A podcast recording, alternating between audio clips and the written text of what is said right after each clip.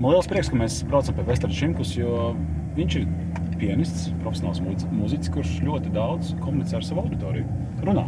Viņš netipiski, netipiski daudz to dara īstenībā, jo viņam ir uh, kaut kāda tāda uh, interesants pieejams, ka viņš starp skaņdarbiem diezgan daudz runā. Stāst gan par savām sajūtām, gan par komponistiem, mūziķiem.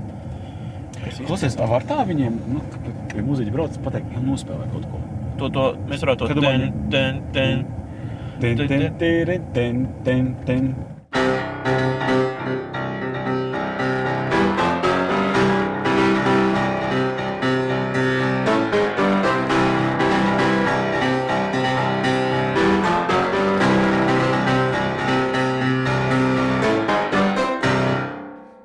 Dienu pēc ietvaros mēs komunicējam par komunikāciju un ceļam komunikācijas kultūru Latvijā.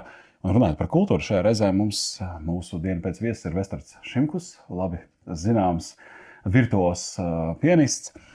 Un man te pirmais jautājums ir, es esmu novērojis, ka, piemēram, ķirurgi, juvelieri, pianisti, cilvēki, kam jāstrādā ar rokām, nelabprāt dod roku, rokas spiedienu. Vai tas ir arī tavs gadījums? Bokseri. Kurš grib boxēt ar rokas spiedienu? Ne? Nē, nē, es, es labprāt dodu roku, bet, nu, protams, pandēmijas laikā es eh, izvairos to darīt. Un tad tev ir tāds, ej, nav jādod. nē, kāpēc? Man nav žēl, man roka absolūti. Nav, nav bail, ja, ka ko saspiedīs. Man prasa cilvēki, nu, kā, kā, kā es kaut kā audzēju savas rokas un uzmanu to. Un patiesībā es tās galīgi nežēloju. Es eh, par to pat īpaši nedomāju. Protams, es cenšos eh, necilāt kaut kādus smagumus. Bet, eh, piemēram, es peldos ezerā caur gadu, arī ziemā ļoti ledainā ūdenī. Eh, Nu, vairākus gadus es to darīju bez nekādiem papildu līdzekļiem, roku aizsardzībai, bet nu, šo, šodien es sapratu, ka tomēr rokas drusku ir jāpasaudzē no tā ļoti augstā ūdens. Es sāku vilkt tādas speciālas gumijas cimdus, kas um, pasargā tās rokas no tieša kontakta ar tādu ledainu ūdeni. Bet visādi citādi es cenšos īpaši par to nedomāt. Un, protams, netraumēt savas rokas, eh, bet, eh, bet nav tā, ka es baidos dot roku otram cilvēkam. Es zinu, ka mēs aiz, aiziesim tēmā par rokām, bet nu, malku taču tu nezāģēji kaut ko. Vai? Nē, es, protams, neskaldu malku nezāģēju, un arī izvairos sieru griezturnās. un, un, starp citu, kaut kad janvārī bija tāda, tāda situācija, kad, kad pāris dienas pirms koncerta eh, es um, nezinu, kādu prāta apsumsumu vadīts, eh, paņēmu tādu asanu nāzi un griezu to sieru. Kā likums ir iegriezt. Jā. Un, un labi, ka iegriezu nu, tā, tā, tā, spilventiņā, nu, tā vietā, kas, teiksim, nav īsti jāizmanto spēlējot, kas ir tā drusku tālāk. Jā. Jā, un līdz ar to arī es varēju to koncertu spēlēt, bet nu, sāpēja ļoti. Sākumā es biju diezgan uztraucies. Tā kā nevajag sieru griezt arī pianistam. Bet noslē- noslēdzot par rokām, jo gal galā tas nav gluži par tā, ka taču ir polis vai ne kaut kāda apdrošināšanas. Nē, man nav apdrošināšanas polis rokām. Nē, pagaidām. Esmu par to domājis un vēl domāju. Nu, labi.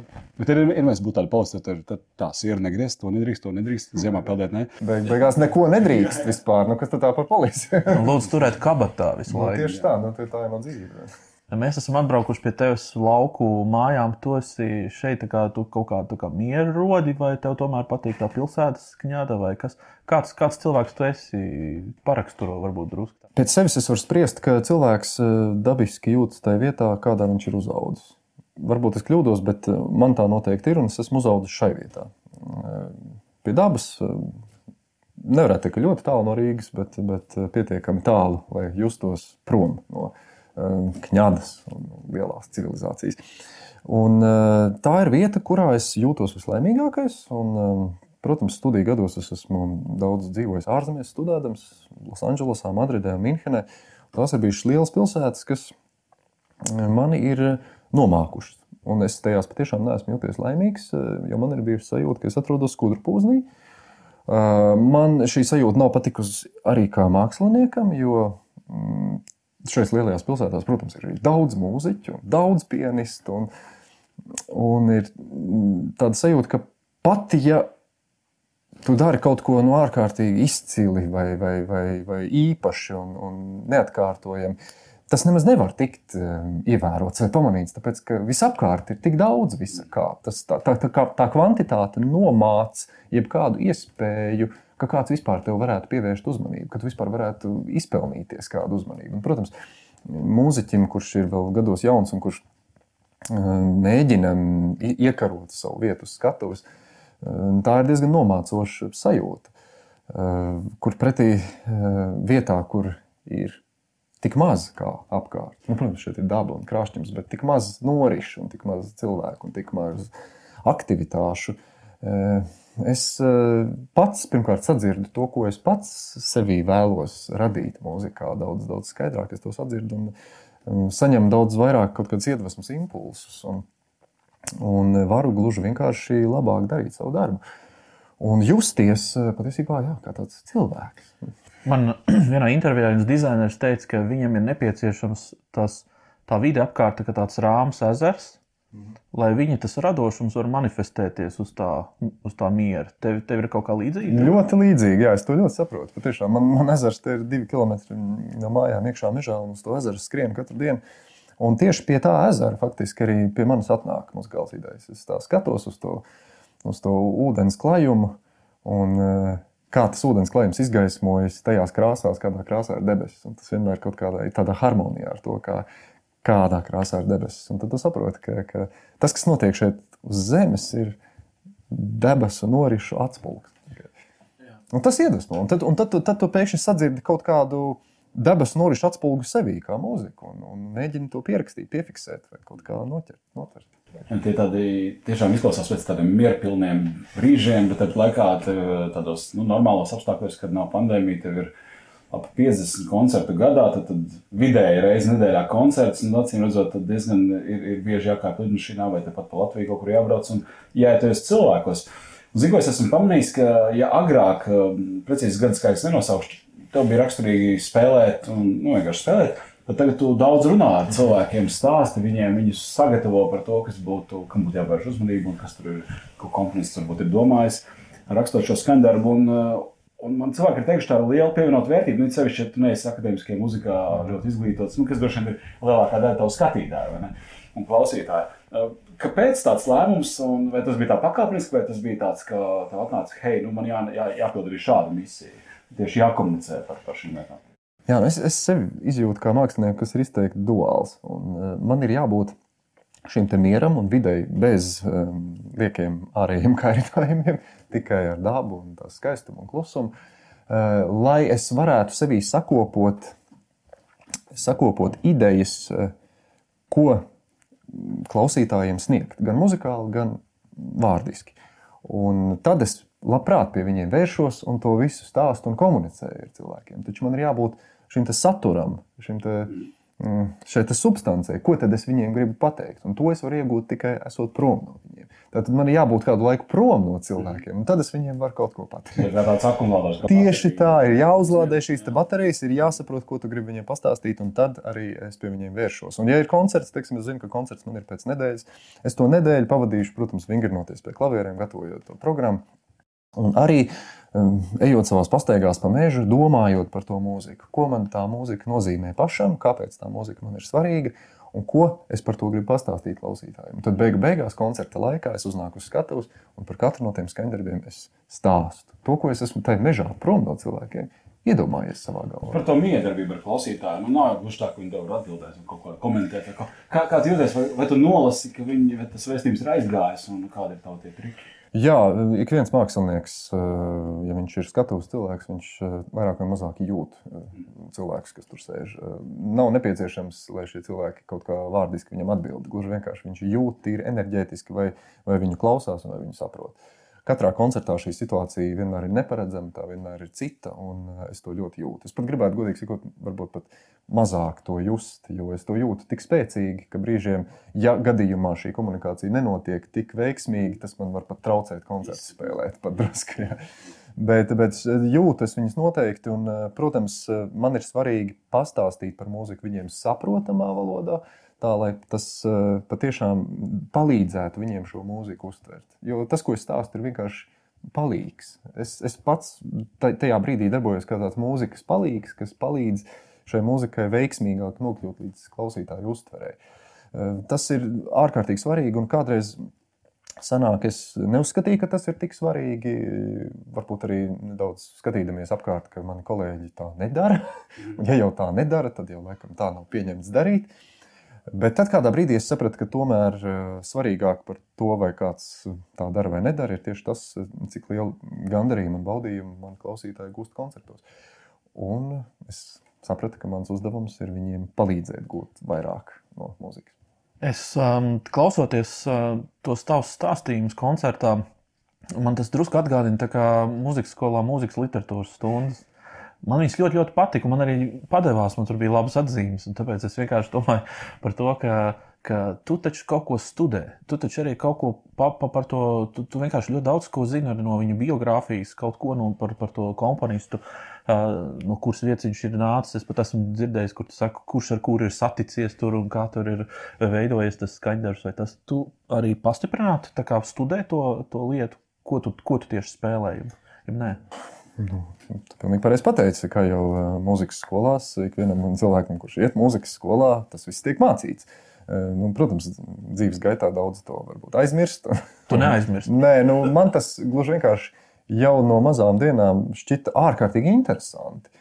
Nu, tādas personības kā, kā Ferencs Lists, Friedrichs Šopēns, Sergejs Rahmaņinovs un Aleksandrs Skriabins. Uh, Nu, tās bija manas roka zvaigznes, kad man bija 10, 11 gadi. Man viņu portreti bija sakarināti pie sienām. Es biju izlasījis visas iespējamās grāmatas, latviešu un krieviski par, par, par viņu dzīvēm, ko varēja atrast skolas bibliotekā.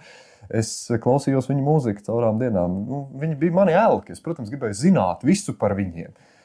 Un uh, interese par arvien vairāk un vairāk komponistiem man auga visu šo gadu garumā, un vēl turpinu. Es aizvien kaut ko jaunu uzzināt par mūziku. Uh, Man ir svarīgi par mūziku zināt pašam, jo es uzskatu, ka jo vairāk mēs par to zinām, jo vairāk mēs paši no tās varam gūt. Un, ja es pats spēlēju šo mūziku, nu, tad man vēl jau vairāk ir svarīgi zināt maksimāli daudz par to.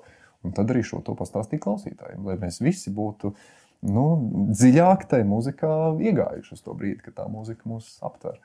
Tavā terminoloģijā sanāk, auditorija ir nejauša, saturs ir karalis, jo tas ir svarīgi, un forma ir tā karaliene. Tā karaliene, kas tā, tā mūzika, kas tā, jūs tā mazliet pievelk. Mēs kādreiz strīdamies, nu, kas ir svarīgs prezentācijā vai komunikācijā cilvēku. Forma, cik iznesīgi to dara, saturs, ko es saku, vai, ne, vai auditorija tā galvenā. Ne? Es domāju, ka pats galvenais ir, ir stāstījumā nepazaudēt um, sirsnīgu vienkāršību un cilvēcību. Mm attieksmi pret, pret klausītājiem. Ir, ir svarīgi stāstīt viņiem gan ar muzikas skaņām, gan ar vārdiem, it kā stāstīt to katram atsevišķi.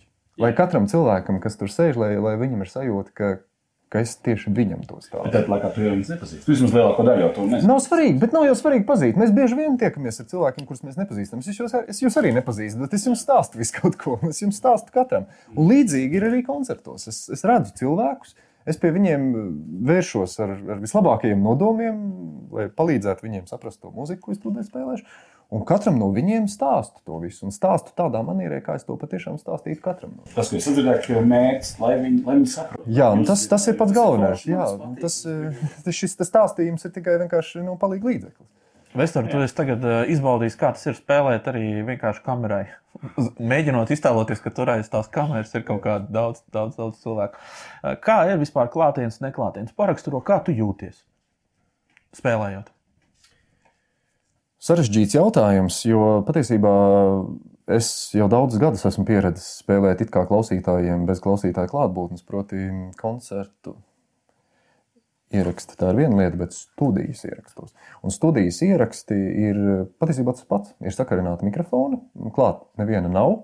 Un tomēr tu saproti, ka tas, ko tu tur spēlē, pēc tam tiks klausīts, un to klausīsies cilvēki. Un, un tur jāspēlē tiem mikrofoniem kā dzīviem cilvēkiem. Nu, tas eh, sākotnēji daudziem mūziķiem, arī man, es atceros, kad es veicu savus pirmos studijas ierakstus, tas ir ļoti mulsinoši. Ļoti, ļoti, ļoti. Nu, ir ļoti grūti sakoncentrēties bez klausītāja klātbūtnes un spēlēt mikrofoniem kā klausītājiem. Nu, līdzīgi šai pandēmijas laikā bija arī ar, ar, ar video kamerām. Un, protams, es cenšos iztēloties, ka aiz tām kamerām tur atrodas cilvēki kaut kādā. Kā es atzīstu, ka es vienkārši iedomājos, uh, draugu paziņas rada sanāk kopā. Nu, nav kaut kāds, nu, vestards nospēlē kaut ko. No.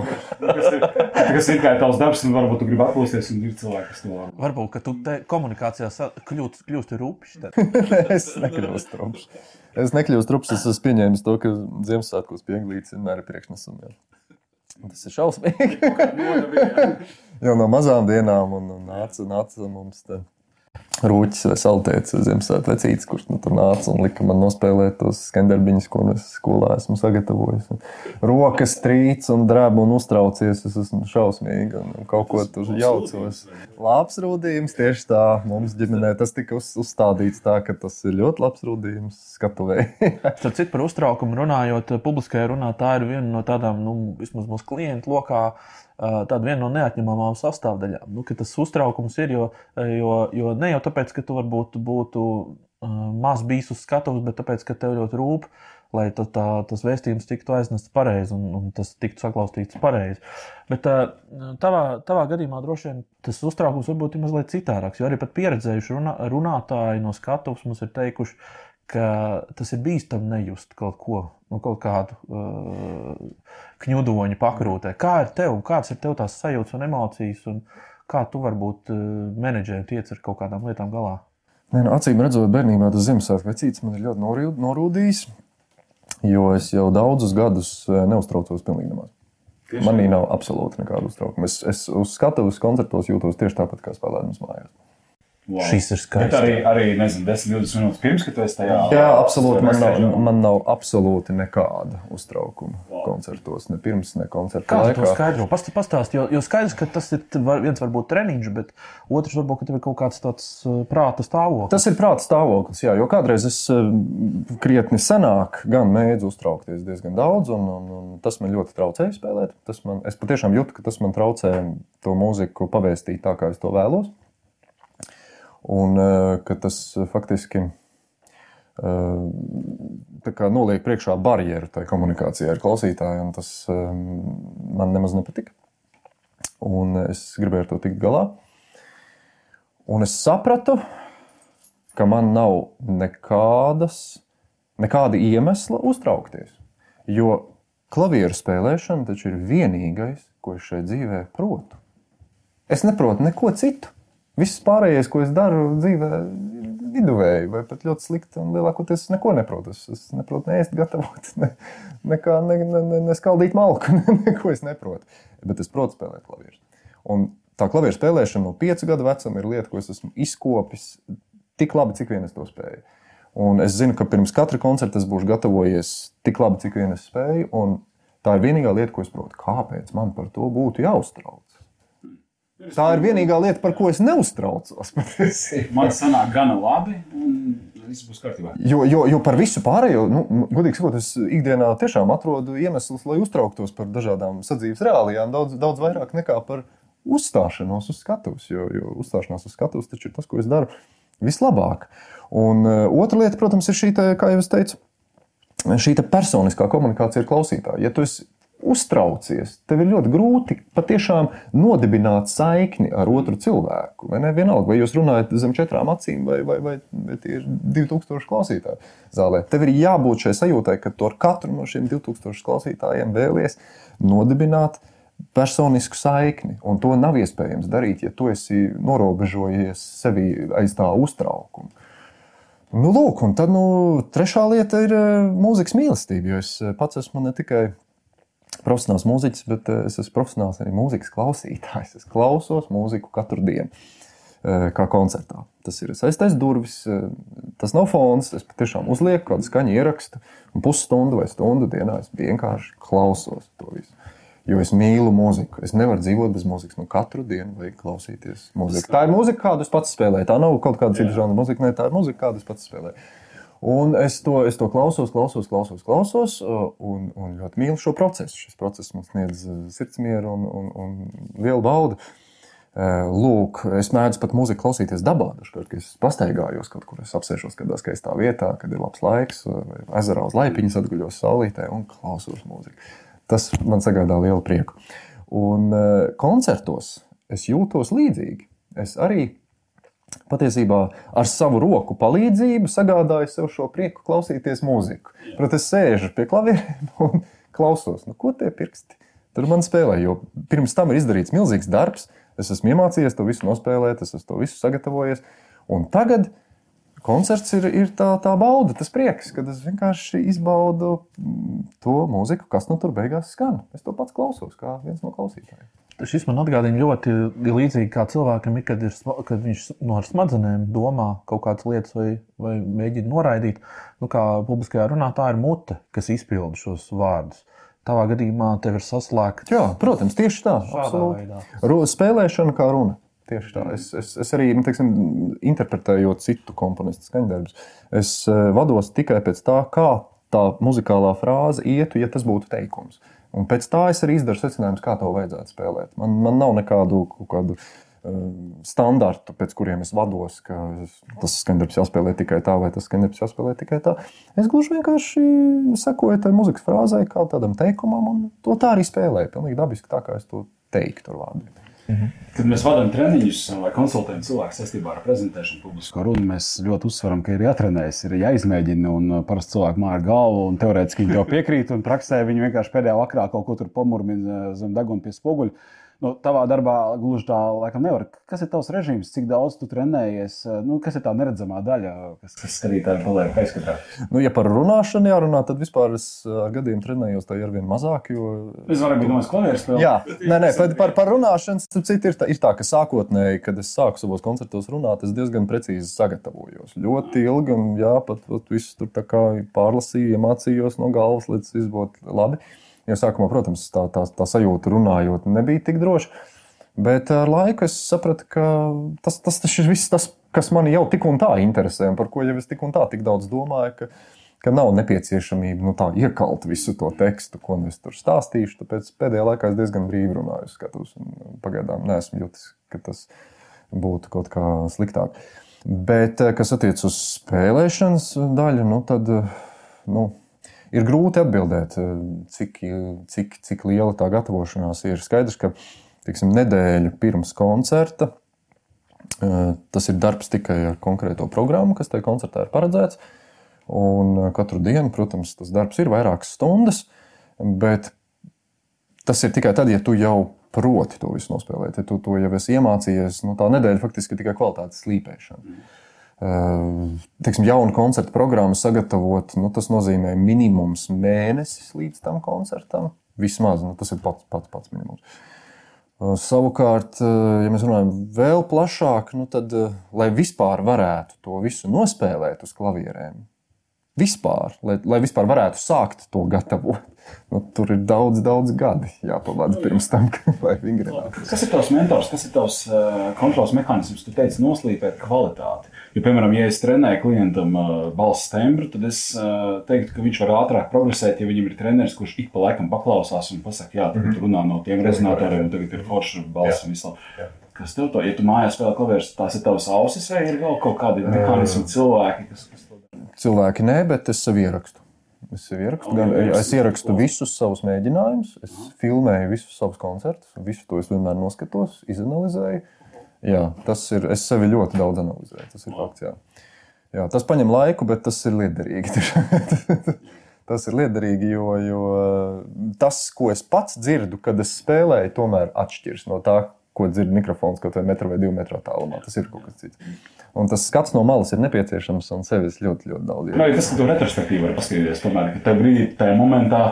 Bija tā, un tagad jau būtu savādāk. Protams, jā, es arī redzu nu, to kaut kādu attīstību laika gaitā, jo, jo attīstība notiek visu laiku, mēs visu laiku mainamies. Arī muzeķis nav vienāds gadu atpakaļ. Ceru, tev paskatīties desmit gadu vecs ieraksts, nav tā, ka ārkārtīgi. Nu, ir, ir tā sajūta, ka, protams, es tagad spēlētu savādāk, bet, bet nu, sašust par to nedrīkst nekādā gadījumā, jo svarīgāks jautājums ir vai to brīdi, kad es spēlēju, vai es izdarīju visu to, ko es gribēju izdarīt.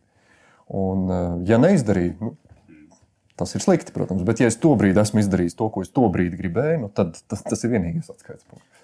Man ir jautājums ne, tagad ne par komunikāciju ar skatītāju klausītāju, bet ar komunikāciju, kas ir tā neredzamā komunikācija, proti, ar komponistu. Tātad, vai ir kaut kāda ir kaut kādi komponisti, kurus tu varbūt pat vari nosaukt, ar kuriem tev ir slikta komunikācija? ļoti maz. Īstenībā ļoti maz. Es, es tik ļoti mīlu muziku un dažādas komponistus, dažādu gadsimtu muziku. Jā, es esmu diezgan eklektisks šajā ziņā. Man nav tāda viena specifiskā, mīļākā laikmeta vai komponista. Es, Var klausīties viduslaiku mūziku, seno mūziku, baroku laiku mūziku, mūsdienu mūziku, kaut ko no mūsdienu populārās mūzikas. Es pats varu klausīties un saprast, un es varu saprast džēzu, es varu saprast tautas mūziku. Es visu varu līdzpārdzīvot, jo mūzika manā skatījumā ir tik ļoti daudz vienotāka nekā, nekā mēs esam pieraduši to uztvert. Mūsu laikmets, un sevišķi 20. gadsimta otrā puse, ir, ir bijis laikmets, kad ir notikusi ar vien spēcīgāka specifikācija katram mūziķim. Nu, kādu tieši mūziku viņš spēlē, un kura laikmeta un kura komponista darbs viņš spēlē. Un, un, un arī klausītāji ir arvien specifiskāki palikuši. Viņš klausītājs klausās tikai tādu mūziku, vai, vai citu veidu mūziku, un neko citu. Un mēs esam kļuvuši tik ļoti šauri, gan kā klausītāji, gan kā mūziķi, ka man tas šķiet kā tāda mākslīga vardarbība pret mūzikas būtību, jo mūzika tomēr vienmēr sakņojas jau tajā, kas iepriekš ir bijis. Nekas nerodas no nekā. Vienkārši. Tieši tā. Un man tāpēc arī veidojot savas koncertu programmas un, un, un vispār domājot par to repertuāru, ko es spēlēju, man ir svarīgi meklēt drīzāk nevis to, kas atšķir dažādas mūzikas stilus un komponistus, bet kas tos vieno. Un rast šīs vienojošās saites, tas ir, manuprāt, daudz interesantāk. Un tas ir tas, ko nemaz tik bieži mūziķi nedara mūsdienās. Nu, tā, jā. Noslēdzot mūsu, mūsu foršo sarunu, tā kā tu daudz ceļo un tur arī sastopi cilvēkus un redzi, redzi tās citas vidas. Kas tev būtu sakāms, ir kas sakāms par to, kā mēs šeit Latvijā iedarbojamies, kā mēs komunicējam, sadzīviski, nesadzīviski, lietišķi, vienalga. Kas ir, kas ir tas, kur tu redzi, kur vajadzētu pieaugt roku, vai arī kur varbūt viss ir brīnišķīgi? Jo, nu, tieši salīdzinot ar to, kā, kā ir citās zemēs. Mēs runājam, mēs runājam par ikdienas komunikāciju vienkārši starp cilvēkiem. Nu, to ir grūti novērtēt, nesalīdzinot ar ārzemēm. Citām zemēm un citām mentalitātēm. Man pirmā saskarsme ar citu kultūru bija Amerika. Es 17 gadu vecumā aizbraucu studēt uz Losandželos. Un, jā, es piedzīvoju lielu kultūru šoku no tā viedokļa, ka tur cilvēki, pilnīgi sveši cilvēki iekāp liftā un izkāp ārā un runājas tā kā labākie draugi. nu, tas Amerikā ir pilnīgi normāli un tas nu, šeit šķiet pilnīgi neiespējami. Uh, Eiropā vispār cilvēki ir rezervētāki viens pret otru, ja viņi nepazīst viens otru. Un, un tas, eh, tas, ir, tas ir kaut kāds um, jā, kultūras fenomens, kas nav ne labi, ne slikti. Tas ir fakts. Man pašam godīgi sakot, labāka sajūta ir dzīvot starp cilvēkiem, kuri komunicē brīvāk, un familiārāk un nepiespiestāk, nevis kaut kā ļoti sargā savu, savu, savu privātumu tieši saskarsmē ar citiem cilvēkiem. Protams, šeit nav runa par to, ka es uzreiz kādam stāstu kaut ko par savu privāto dzīvi, bet runa ir tieši par to enerģētiku, kas no tevis strāvo, kad tu satiec nepazīstamu cilvēku un runā ar viņu. Manā skatījumā ir, ir svarīgi vērsties pie viņa atvērti, familiāri un, un labdabīgi. Nevis vērsties pie viņa ar aizdomām. Nu, ja tas sākums jau ir aizdomu pilns, tad ir daudz mazāk iespējamība, ka starp jums kaut kas labs izveidosies. Jebkurā gadījumā. Nu, lūk, un Latvijā, es domāju, šai ziņā nu, mēs visi zinām, kāda ir latvieši un cik latvieši ir bieži vien noslēgti. Nebūtu ne tie komunikablākie. Un gan jau, ka varbūt kaut kas arī mainās līdz ar laiku. No otras puses, man jāsacina, ka, protams, šeit, Latvijā, cilvēki ir patiesāki. Un, eh, tiksim, Rietumē, Eiropā un sevišķi arī Amerikā. Eh, tā, tas, tā labdabība un tā familiaritāte bieži vien patiešām ir tikai virspusēja. Un, eh, un cilvēki patiesībā zem sevis slēpj nevisai patīkamas lietas. Latviešiem ir tā, ka, nu, ja tu izpelnies no latviešu tādu patiesu un atvērtu attieksmi, nu, tad, nu, tad tu esi sasniedzis kaut ko. Tas, tas, tas ir pa īstam, jā. Un tādā ziņā latvieši ir uzticamāki. Jo, uh, Jo kaut kur Amerikā, piemēram, ja tu dzirdi komplimentus par savu klavieru spēli, nu, tu nogriez 80% no tā nost. Ja? Vismaz tu zini, ka tas daudz pārspīlēts. Nu šeit, Latvijā, ja, ja kāds tev pēc koncerta pasakā kādu labu vārdu, nu, tas nozīmē, ka viņš patiešām ir sajūsmā par to koncertu. Tie labie vārdi nav varbūt bieži. Cilvēki kaut kā patur to sevī, bet, nu, ja kāds kaut ko labu pasakā, nu, tad tu zini, ka tas ir pa īstam. Vēstur, liels paldies, ka tu uzņēmi mūs uh, savās, savās mājās. Tas ir mums arī liels pagodinājums. Es esmu aptvērts. Jā, un, un skatītāji, klausītāji, mēs tiekamies ar jums atkal nākamajā nedēļā, jau jaunā diena pēc epizodē.